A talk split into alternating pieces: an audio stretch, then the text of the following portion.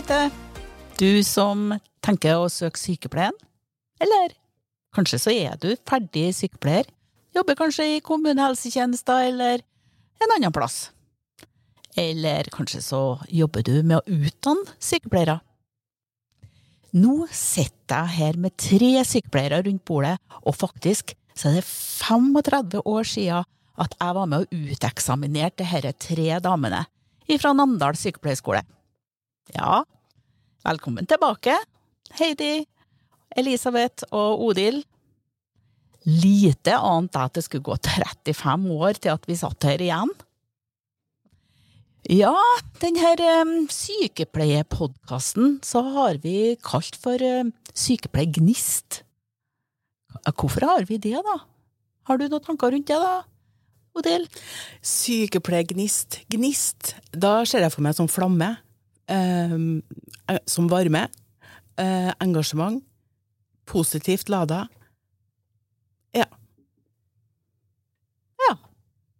Det var mange gode ord. Enn du, Elisabeth? Eh, vi begynte jo å drodle litt rundt navn og var litt usikre på hva vi skulle kalle oss, egentlig. For vi har jo hengt sammen, som sagt, i 35 år, Grete. Jeg må passe på å si navnet ditt òg, når du var så hyggelig å si navnet vårt. Eh, og Gnist, eh, for meg, det er Vi har, vi har stått stødig eh, og eh, rakrygga, vil jeg si, som sykepleiere i 35 år, pluss tre år som studenter og er fortsatt like stolt av yrket vårt, av valget vårt og mulighetene vi har hatt um, i, med denne grunnutdanninga som vi har tatt. Så det er sånn åh, gnist, det er glede, det er varme, det er godt, det er engasjement for meg. Sykepleiergnist. Akkurat. Ja, finnes det noe annet ord igjen nå da, Heidi? Nei, si det. Jeg syns at både Odile og Elisabeth har beskrevet det veldig godt. Og det der å, å skape en gnist når du utdanner deg for å fortsette i yrket, som er noe vi skal snakke om på denne podkasten, det er jo det vi ønsker å formidle, og at folk skal kjenne, kanskje få føle litt den gnisten som vi har følt da opp gjennom årene. Så engasjement, glødende, og det er vi fortsatt, alle tre. Så da blir det sykepleiergnist. Og jeg hørte òg engasjement. Og som du sier, Heidi, dette har vi så lyst til å få formidla til dem som kanskje sitter og spekulerer på skal jeg søke sykepleie. Er det noe for meg? Og det ønsker vi også å prøve å få litt mer fram. Hvorfor kan dette være et godt valg? For jeg tenker jo at dere sier jo det at dette har vært et godt valg for dere. Så gjennom denne podkasten her, så tenker jeg at vi skal få bli enda litt bedre kjent med dere treene. Hvordan gikk det med dere etter at dere for fra Namdal sykepleierskole for 35 år siden? Så vi kan kanskje begynne på litt der. Eh, få høre litt hva eh, Hva gjorde dere? Og presentere dere litt navn, og hva har dere gjort siden 1989? Skal vi begynne med deg, Elisabeth? Ja. Eh, Elisabeth Tamnes heter jeg, er 57 år. Firebarnsmor og bor i Røros kommune. Og eh, har bodd der etter at jeg flytta fra Namsos. Jobba på sykehus. Jeg har jobba i Nav som rådgiver eh, på Nav arbeidslivssenter. Jeg har jobba på Røros videregående skole med utdanning av helsefagarbeidere, eller hjelpepleiere, som det het den gangen, da. Og så har jeg jobba som leder i ulike institusjoner. Eh, både på sykehjem i Rennebu, og nå jobber jeg i hjemmesykepleien på Røros som avdelingsleder. Ja, så du har hatt ganske mange forskjellige jobber. Enn du, Heidi? Ja, etter uh, utdanninga så var jeg nå litt i Namsos som sykepleier, og så hadde jeg jo litt sånn brennende engasjement for det å bli jordmor, da. Eh, men eh, først hadde jeg noen spennende år som sykepleier og for til Tromsø. Tok utdanning som jordmor. Har eh, jobba som kommunejordmor i mange år. Vært eh, en tur i Bangladesh. Vært en tur i Tanzania og jobba. Så her er det masse muligheter. Hm. Spennende. Enn eh, du da, Odil? Jo, i 1989 så visste ikke jeg hva jeg skulle etter jeg var ferdig sykepleierutdanninga. Men det jeg visste, var det at vi hadde veldig lite om utviklingshemming på sykepleierutdanninga.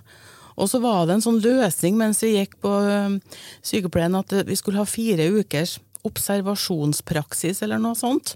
Og da eh, fikk jeg være på den gamle, gode Klingenbergheimen. Og ble kjempenysgjerrig på arbeid med personer med utviklingshemming. Og da jobba jeg et år der. Begynte der, eh, og så fortsatte jeg i psykisk helsearbeid på sykehuset. Jobba i psykisk helsevern, da, som det kalles, på ei åpen avdeling. Og ble veldig nysgjerrig på det. Og tok noe utdanning, videreutdanning veiledning og psykisk helse, eller det heter psykiatrisk sykepleierutdanning, det var bare for sykepleiere. Nå har det endra seg til tverrfaglig videreutdanning. Og så, i 2000, så fikk jeg lyst til å eh, gjøre noe annet. Og da gikk jeg på en gang en HINT, Høgskolen i Nord-Trøndelag, og fikk eh, jobb som lærer. Og det var du, Grete, som var rektor da. Nei, eller du var i hvert fall en avdelingsleder. Ja, leder. sikkert dekan i den Ja, dekan dekan heter det, ja. Og da fikk jeg jobb der som lærer. Og det var det jeg ble, og er fortsatt. Det er 23 år siden. Ja. Mm. Årene går fort. Årene går fort, men jeg må si da at jeg jobba i I løpet av de årene så har jeg jobba i kommunehelsetjenesten som psykiatrisk sykepleier. Ja. Mm. 2005 til 2007. Ja. Ja. Eh, jeg må si jeg òg, da, at jeg, årene har gått fort for meg òg, da. Jeg var, fikk jo være læreren deres i 1986 når dere kom. Og nå så er jeg fremdeles lærer for de her førsteårsstudentene som starter på Nord universitet i Namsos. Så jeg har følt meg privilegert, hatt ulike roller, men syns det har vært veldig artig å få være sammen med ungdommene. Så førsteåret og tredjeåret jobber jeg, og da får jeg egentlig føle dem litt hvordan de er når de kommer, og se denne utviklinga som skjer i løpet av tre år. Mm. For det gjør det jo. Det skjer veldig mye. Veldig Ja. mye. Mm. Dere har uh, hørt disse rundene her nå, så, så tenker jeg at ja, veldig mangfoldig yrkesaktiv liv dere har hatt. Én ting som er kanskje litt felles, det er kommunehelsetjenester. Eh, og når jeg snakker med sykepleierstudenter, så er det veldig mange som tenker at nei, jeg skal begynne å jobbe på sykehus. Men så hører jeg at dere har jobba i kommunehelsetjenester, og, og hvorfor? Hvorfor tenker dere at eh, Hvorfor har dere vært der? Kanskje så har det vært praktiske ting som har gjort det, men eh, Odil, har du noen tanker rundt det? For det første så er det noen som lurer på hva kommunehelsetjenesten er for noe. Hva er det for noe i forhold til om det er noe forskjell på kommunehelsetjenesten og sykehus? Eh, Men jeg tenker at i kommunehelsetjenesten, i kommunene, det er jo der folk bor. Det er der folk lever livene sine. Og det er der sykepleieren møter livene gjennom hele eh, Fra fødsel til, til død. Blir veldig godt kjent med med, med folket som bor i heimene sine. Og det er jo mange jobber man kan ha i kommunehelsetjenesten, da. Men jeg merker det at eh, første, andre, tredje år, ja, hva er, hva er primærhelse, hva er kommunehelsetjenesten, hva, hva er forskjellen, da? Vi møter jo pasienter. Og så er det noe med hvor hen blir man behandla, og hvor hen får man oppfølging, og så det, det er en vesens forskjell. Men det er i hvert fall der du kommer kanskje tettere på mennesket, familier, historien. Mm. Kanskje over tid? Over tid. Mm. Jeg er jo helt enig med Odil, da. Fordi at jeg eh, jobber jo som kommunejordmor. Og når jeg starta eh, min yrkeskarriere som jordmor, så valgte jeg kommunen fra begynnelsen. Og da var det litt sånn Å ja, du er ikke ordentlig jordmor. For det å være ordentlig jordmor, det betyr å jobbe på sykehuset. Nå har det heldigvis forandra seg. Men mitt mål, det var jo det å som Odin sier, å bli kjent med folk, få møte dem, eh, kunne være med å bidra til å skape et trygt og godt svangerskap for eh, både den som skulle føde, men også for hele familien. Så det å kjenne folk over tid, det syns jeg er fantastisk. Og det å kunne være med og bidra eh, på ulike måter sånn at disse skal få det bra. Det syns jeg er veldig spennende. Enn du, Elisabeth? Ja, eh, det er jo kjent problematikk eh, når vi snakker om eh, rekruttering og beholde og sykepleiere i kommunehelsetjenesten kontra spesialisthelsetjenesten som sykehusene representerer, da. At det er veldig attraktivt. Det var jo det når vi gikk ut for 89 år siden. Jeg skulle jo aldri jobbe i eldreomsorgen. Jeg var jo så lei til å høre om eldrebølgen at jeg ble nesten kvalm. Uh, men det er klart at uh, Og vi begynte jo å jobbe på sykehus og fikk oss noe erfaring som, som vi har med oss som er veldig, veldig, veldig god. Men jeg tenker at når du har jobba noen år i sykehus, så har du behov for mer helhetlig tanker og omsorg og yte. Jeg følte kanskje at det ble litt overfladisk, på en måte, min rolle som sykepleier på, i spesialisthelsetjenesten. Jeg hadde behov for mer, som Heidi seg, informasjon, forståelse. Når jeg sendte hjem at pasienten, så var jeg litt utrygg. Var det i orden det der nå? Var det greit det der nå?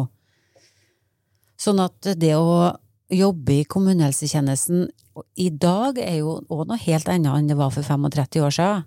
For det er klart at nå er jo pasientene eh, ikke ferdigbehandla når de kommer hjem. Sånn at eh, som sykepleier så har du et eh, veldig stort ansvar når du opererer ute i felten, kanskje mange mil fra basen din for deg sjøl, og, og står med store faglige utfordringer. Så det er mange, det er mange faktorer som spiller inn både på din egen trygghet, din egen interesse, engasjement, i forhold til om du vil kaste deg uti og stå, og stå i det, eller om du velger da å ha et mye større kollegialt fellesskap, kanskje, for det, det er trygt. Det med faglige utfordringer, det, som sykepleier så har du liksom kunnskapen til å håndtere det. Du lærer jo det da på de her tre årene. Det å arbeide selvstendig og ta de her faglige utfordringene. Ut på landeveien i kommunene. Mm. Mm, rundt omkring. Ja. Men så sier dere jo noe om at eh, det har forandra seg ganske mye på 35 år, da. Så når dere snakker om at det var, dere følte kanskje at det ble litt eh, mer helhet når dere flytta til kommunehelsetjenester fra sykehus for 35 år siden, så er det jo ikke blitt noe likere. Altså, folk bor jo, eh, er jo veldig kort tid i sykehus, og så blir det jo kommunehelsetjenester som tar den videre oppfølginga og mye behandling som skjer i kommunehelsetjenester nå, som tidligere var på sykehus. Så, så det er jo spennende faglige utfordringer. Men det er jo som du sier, jeg tenker at det er spennende, fordi at når jeg starta min karriere egentlig før jeg ble sykepleier sant, og jobba på sykehjem, de var jo så friske. Altså, det var jo å sette inn et vaskefat og litt frokost til dem, så ordna de jo seg sjøl. Mens at nå når du kommer på et sykehjem, så er det jo folk som virkelig trenger ekspertise. Altså, de trenger fagkunnskapen som en sykepleier har. Og det er masse utfordringer, kanskje enda mer utfordringer i kommunehelsetjenesten enn på et sykehus, der du bare har alt samla rundt deg og kan trykke på en knapp, og så er alle der. Mens at ute i kommunen så må du hente fram din faglige kompetanse og bruke den. Og det tenker jeg må være spennende. Kjempespennende, utfordrende. Gi den her gnisten som vi nå eh, snakker om, sant? og det engasjementet. Mm. Ja, jeg tror det er akkurat den der sykepleiergnisten den skal vi komme tilbake til flere ganger i løpet av denne serien. Eh, men damer, mm. 1986. Mm. Da kom dere til Namdal sykepleierhøgskole. Og, og så har jeg jo oppfatta nå at dere har jo holdt litt sammen etter dere var ferdig på utdanninga. Var det sånn fra første stund, eller? Hva var det som brakte dere til, til, Namsos? Kan dere si litt om det? Namsos det var en plass hvor jeg tenkte at det ikke gikk an å bo. Altså, det var masse skog der. og så tenkte jeg det at det var langt unna Stjørdal, der jeg er født og vokste opp. Um, for at jeg ville på Levanger. Ja. Så kom jeg inn på, det var vanskelig å komme inn på sykepleierutdanninga den gangen òg. Så kom jeg inn på Namsos og begynte der, og opplevde at det var noe i grunnen litt ålreite folk der. Og begynte å bli så smått kjent med dem jeg bodde i lag med på den gangen. Det heter Geilin, da. Internat. Så um, jeg valgte å fortsette å bo eh, og studere i Namsos. Jeg kom jo inn på Levanger etter 14 dager, tre uker.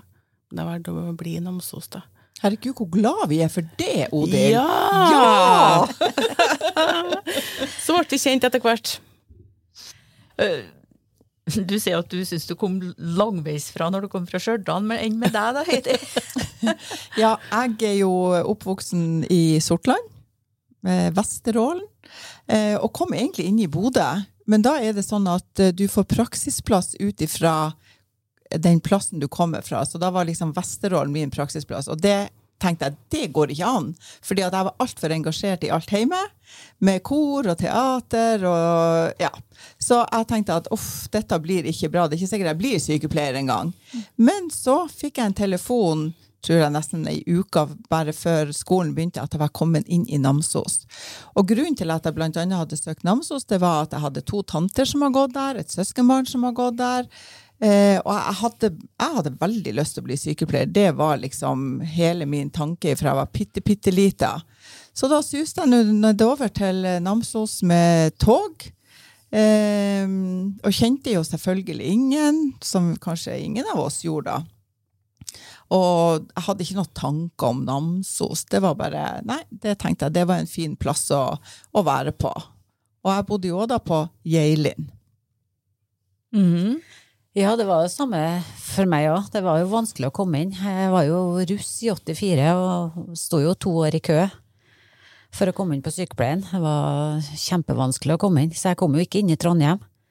Så jeg kom inn dagen før de starta i Namsos, så fikk jeg telefon, jeg òg. Og sykepleier skulle jeg bli, det hadde jeg bestemt meg for. For jeg hadde jobba et halvår på Røros sykehus som praktikant den gangen. Da jobba vi i tre måneder og fikk mat, og så fikk vi lønnstrinn én i tre måneder. Og det var det som skapte gnisten til meg, for å, da hadde jeg syns jeg fikk godt innblikk i yrket, da. Så sykepleier skulle jeg bli. Så da knalla jeg meg i vei til Namsos og flytta inn på, på Geilin, ja. Sykepleier-søsterhjemkomplekset. Godt kjent i Namsos. Og det var vel starten på at vi møttes, vi treene møttes. Vi var jo, vi var jo en stor klasse. Det var jo første året at uh, Namsos hadde så stor klasse. De to, før så var det jo opptak både høst og etter jul. Men nå samla jeg oss, vi var jo 60 elever. Eller studenter, heter det kanskje. Og det var veldig viktig den gangen at vi var studenter, ikke Ja. elever. Å ja, å ja. Mm. Eh, Så mm, vi ble jo ikke kjent med alle i klassen. Men dere ville jo bli sykepleiere, og var motivert for å Veldig, ha dette som mål. Jeg visste jo ikke hva sykepleier var for noe. Jeg hadde søkt og hadde hørt og trodd at det var lurt å gå og ta utdanning. Da. Så jeg søkte sykepleierutdanning, fysioterapi, ergoterapi. Det var noe treårige greier. Eh, Så kom jeg inn på sykepleien, og ingen i familien min er sykepleiere. Ingen, jeg ante ikke hva det var. Jeg trodde kanskje at vi skulle sette noen diagnoser, eller jeg vet ikke. Jeg syntes det var vanskelig. Det var veldig rart. Det var mye vi skulle lære oss. Jeg har nesten aldri vært på et sykehus. Um, jeg har nesten aldri vært på et sykehjem. Så det, for meg ble det mye nytt og mye rart. Jeg syns jo de kunne så mye andre, de som har jobba litt før, og hva de skulle bli. Og, mm. Så Og jeg tenkte jo at det må gå an å bli noe annet enn sykepleier. For at ifølge min mor så var jeg fire år, og da skulle jeg liksom gifte alle eh, dukkene mine. Men det betydde å gipse, men jeg fikk ikke til å si gipse, så det ble gifte dem. Men de lå i bandasjer, hele gjengen. Eh, og når jeg var ferdig med videregående, så tenkte jeg at det må gå an å bli noe annet. Så da var jeg til rådgiver faktisk for å høre er det noe annet jeg kan søke som er interessant. Men eh, nei, det måtte bli sykepleien. Men, men Odil, jeg ble litt nysgjerrig, for at ja. studenter som kommer og begynner sykepleien nå for tida, der er det jo òg noen som har jobba og vært motivert hele livet nesten for å kunne starte, og så er det dem som, som er litt usikre og tenker er dette noe for meg? De fleste har nok et bilde på hva sykepleie er. Mm. men, men jeg vet ikke helt hva det er, og passer det for meg. Mm. Tok det lang tid før at du følte at det her, her eh, Ja.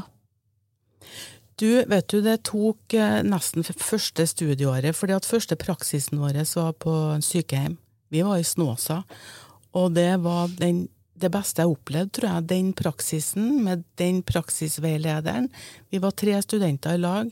Vi bodde halvveis i lag, og vi jobba i lag og fikk veldig mye veiledning, oppfølging av praksisveileder.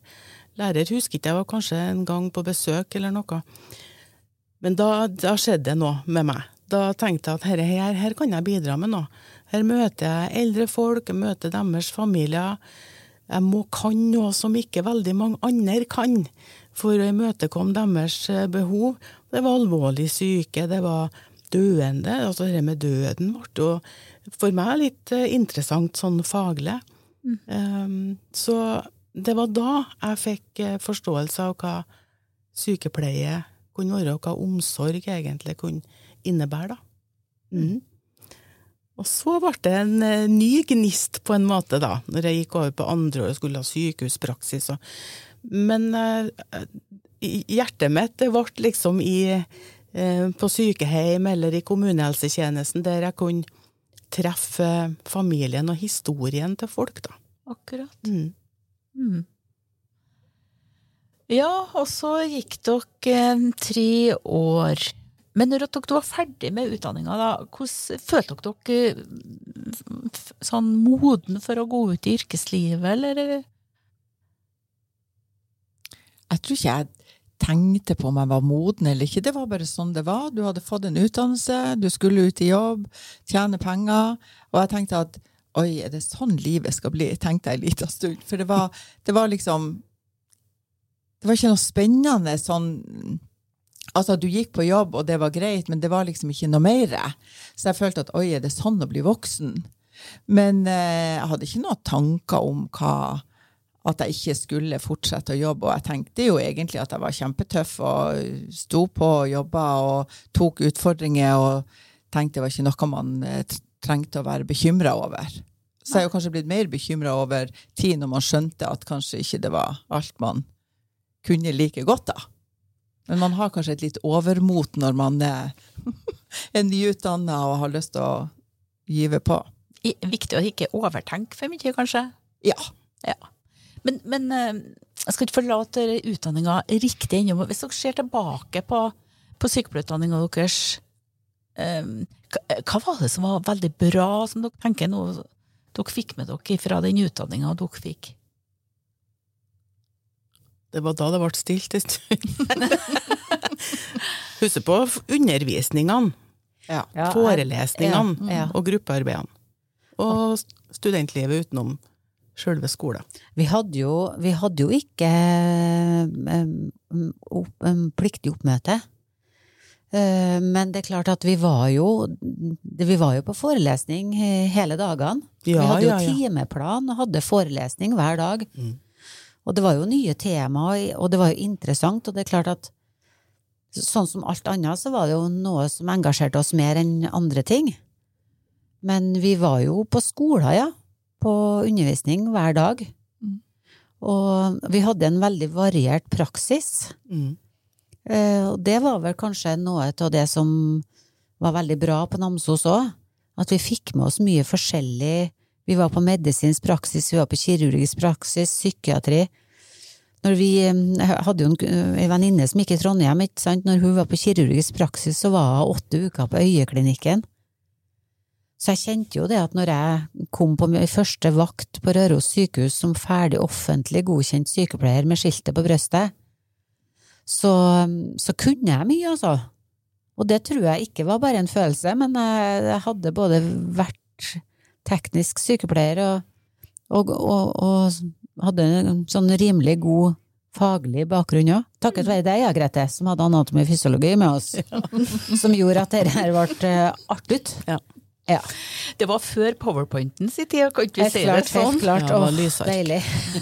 Men jeg syns jo at gruppeoppgaver, det likte jo jeg, når vi kunne jobbe i team og jobbe i gruppe og legge fram. Og, og det har jo litt med med meg som person å gjøre, da, men det syns jeg var kjempeartig. Og det å bli kjent med nye folk, og vi danna gruppe og jobba i lag, og kanskje vi laga litt skuespill når vi skulle fremføre det, og ja. Og, og det er jo i dag òg. Det er jo mye av den utdanninga den går jo på at en skal lære seg å jobbe sammen i gruppe. Og det behøver jo ikke være like enkelt bestandig. Um, folk er forskjellige. Så du, Heidi, du likte det altså, mens andre kanskje kan synes det er litt vanskeligere. Og så finne seg til rette i gruppe. Hadde dere noen erfaringer, Elisabeth og Heidi, med det? Og jeg syns det var vanskelig. Ei gruppe jeg husker på, det var, synes, det var to stykker i gruppa jeg syntes var håpløst. sant ja? De gjorde ikke det som egentlig var tenkt skulle gjøres, og føle å ta ansvar. og Hvem skulle vi snakke med om det, da? For det var liksom ikke noen som kunne hjelpe oss i Eh, å forebygge konflikt eller å snakke om det, men vi kom i mål. Vi fikk levert et produkt. Eh, men at det gikk utover noe vennskap, det, det tror jeg kanskje at det gjorde, da. Jeg vet ikke. Så det, noen ganger syns jeg det er vanskelig. Forskjellige grupper. Det var fint at ikke vi tre var i gruppe, da, for vi har nå beholdt vennskapet, i hvert fall. Ja, ja men, men, dere er jo veldig forskjellige, sånn som jeg opplever dere nå. Ja. Så jeg er litt nysgjerrig på det òg. Har dere noen tanker om hvorfor ble det sånn at dere, ja, som, på tross av at dere er så forskjellige, at dere greier å holde sammen? Humor. Ja, jeg tror at uh, vi har bestandig flira av hverandre. Uh, hatt den egenskapen at vi ikke har tatt oss sjøl så høytidelig. Okay. Uh, vi er veldig, veldig forskjellige. Mm. og det tror jeg er en styrke for fellesskapet vårt. For når vi møtes, så er vi straks på nett. Vi er Vi krangler ikke, nei, men vi diskuterer, vi og vi er jo engasjert i yrket vårt, i eh, samfunnsdelen, utvikling, videreutdanning, kompetanse. Vi vil hverandre vel. Og så har vi forskjellige inngangsporter da, til, til hvordan vi mener at det her er den beste løsninga. Og så, vi veldig, så har vi sterke personligheter, alle treene.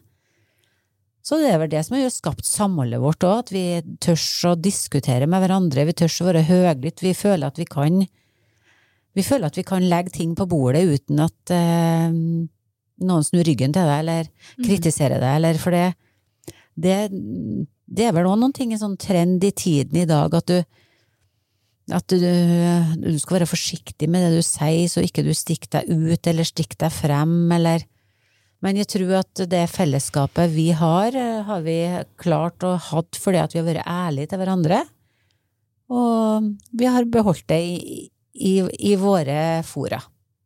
Mm. Men jeg har jo lyst til å si at vi var jo ikke supervenner fra dag én. Det tok jo litt tid, for jeg skremte jo vettet ut av de her toene. Okay. med, med nordlandsdialekten og eh, fremtoninga mi, da. Så det tok jo i hvert fall et halvår før at vi kommuniserte så veldig i lag. Jeg syns du var litt skummel Heidi, men jeg vet ikke om det skulle på luften. ja, men kan vi konkludere med det at um, det å være forskjellige, det behøver ikke være noe negativt i forhold til å få vennskap til å vare, men òg det å få litt spennende diskusjoner. Så tror jeg det du sier, Elisabeth, det med å være tørs å legge ting på bordet, det tror jeg skaper trygghet i mm. gruppa.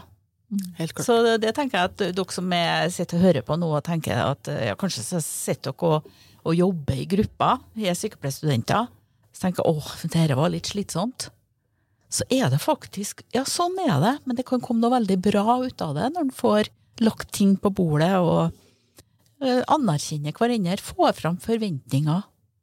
Mm. Ja, det å være litt raus med hverandre, sant, og gi hverandre rom, og det tenker jeg vi tre er flinke til. Selv om vi er så forskjellige, så er det ikke en som bestemmer verken det ene eller det andre, men vi har raushet til å lytte til hverandre og høre på hverandre. Og det har vi gjort ifra vi gikk på sykepleien, og det har vi fortsatt med. Og det er vel det som gjør også at vennskapet er der det er akkurat nå. Mm -hmm.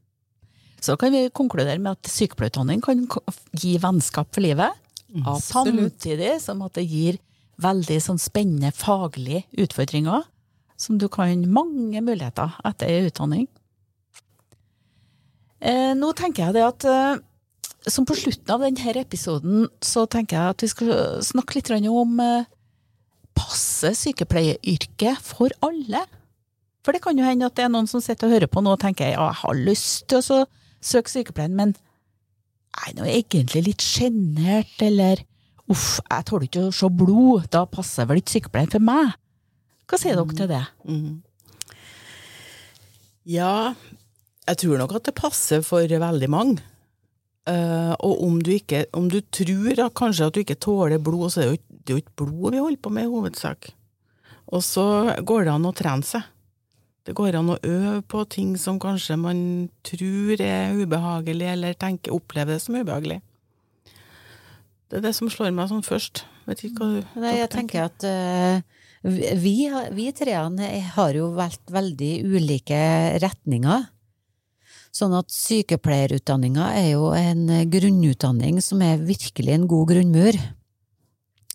Og så har du et hav av muligheter etterpå. Eh, Sånn at er du beskjeden, er du litt forsiktig, så er du kanskje en god lytter, ikke sant?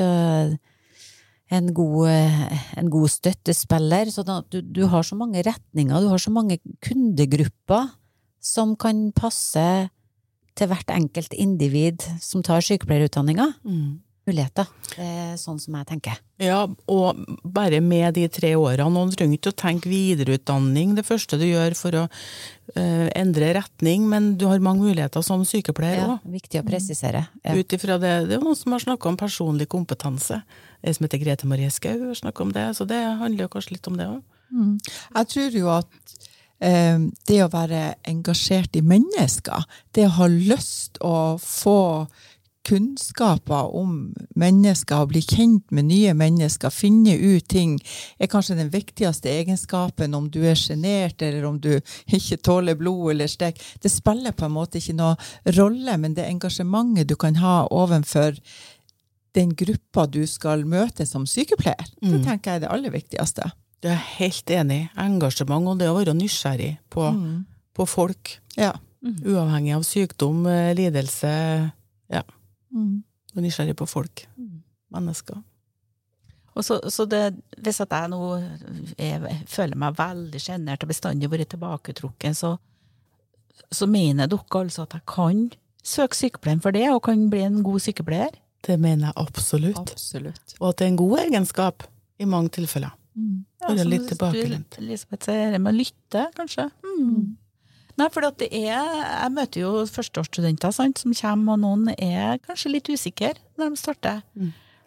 Og så sier de ja, men jeg er så, jeg er så sjenert, sånn at eh, nei, jeg vet ikke helt hvordan det her passer.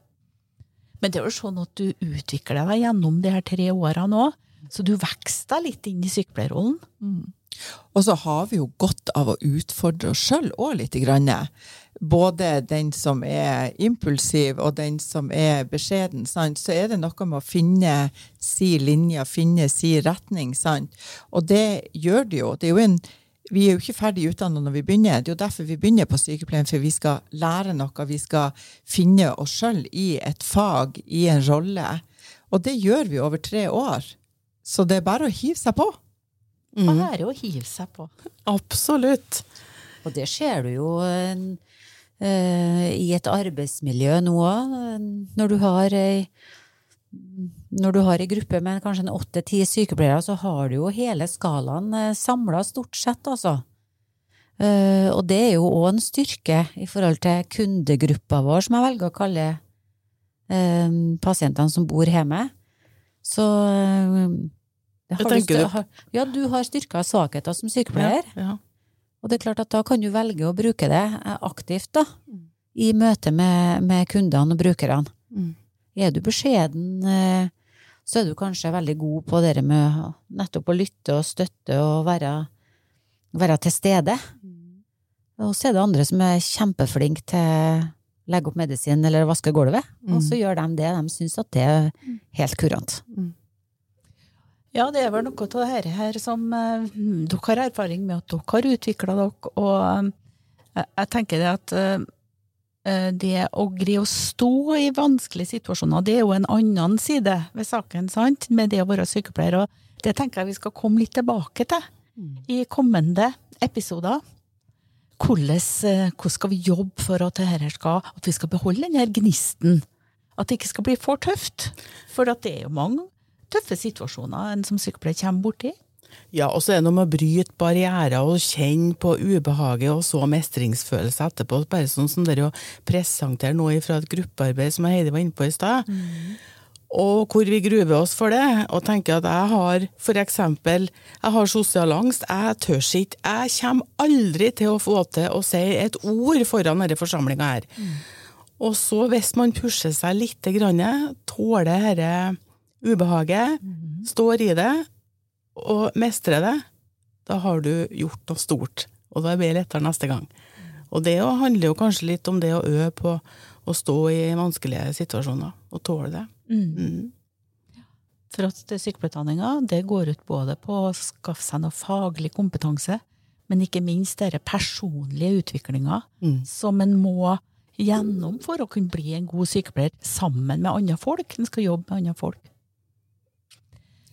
Ja, skal vi begynne å runde av denne episoden? Dette var jo en intro til flere episoder. Nå har vi blitt litt kjent med Heidi og Elisabeth og Odil. I neste episode da skal vi gå litt nærmere inn på så høre litt med Heidi og hennes yrkeshistorie, og særlig dette med jordmor. Hvordan er det å jobbe som jordmor i kommunehelsetjenesten? Så følg med!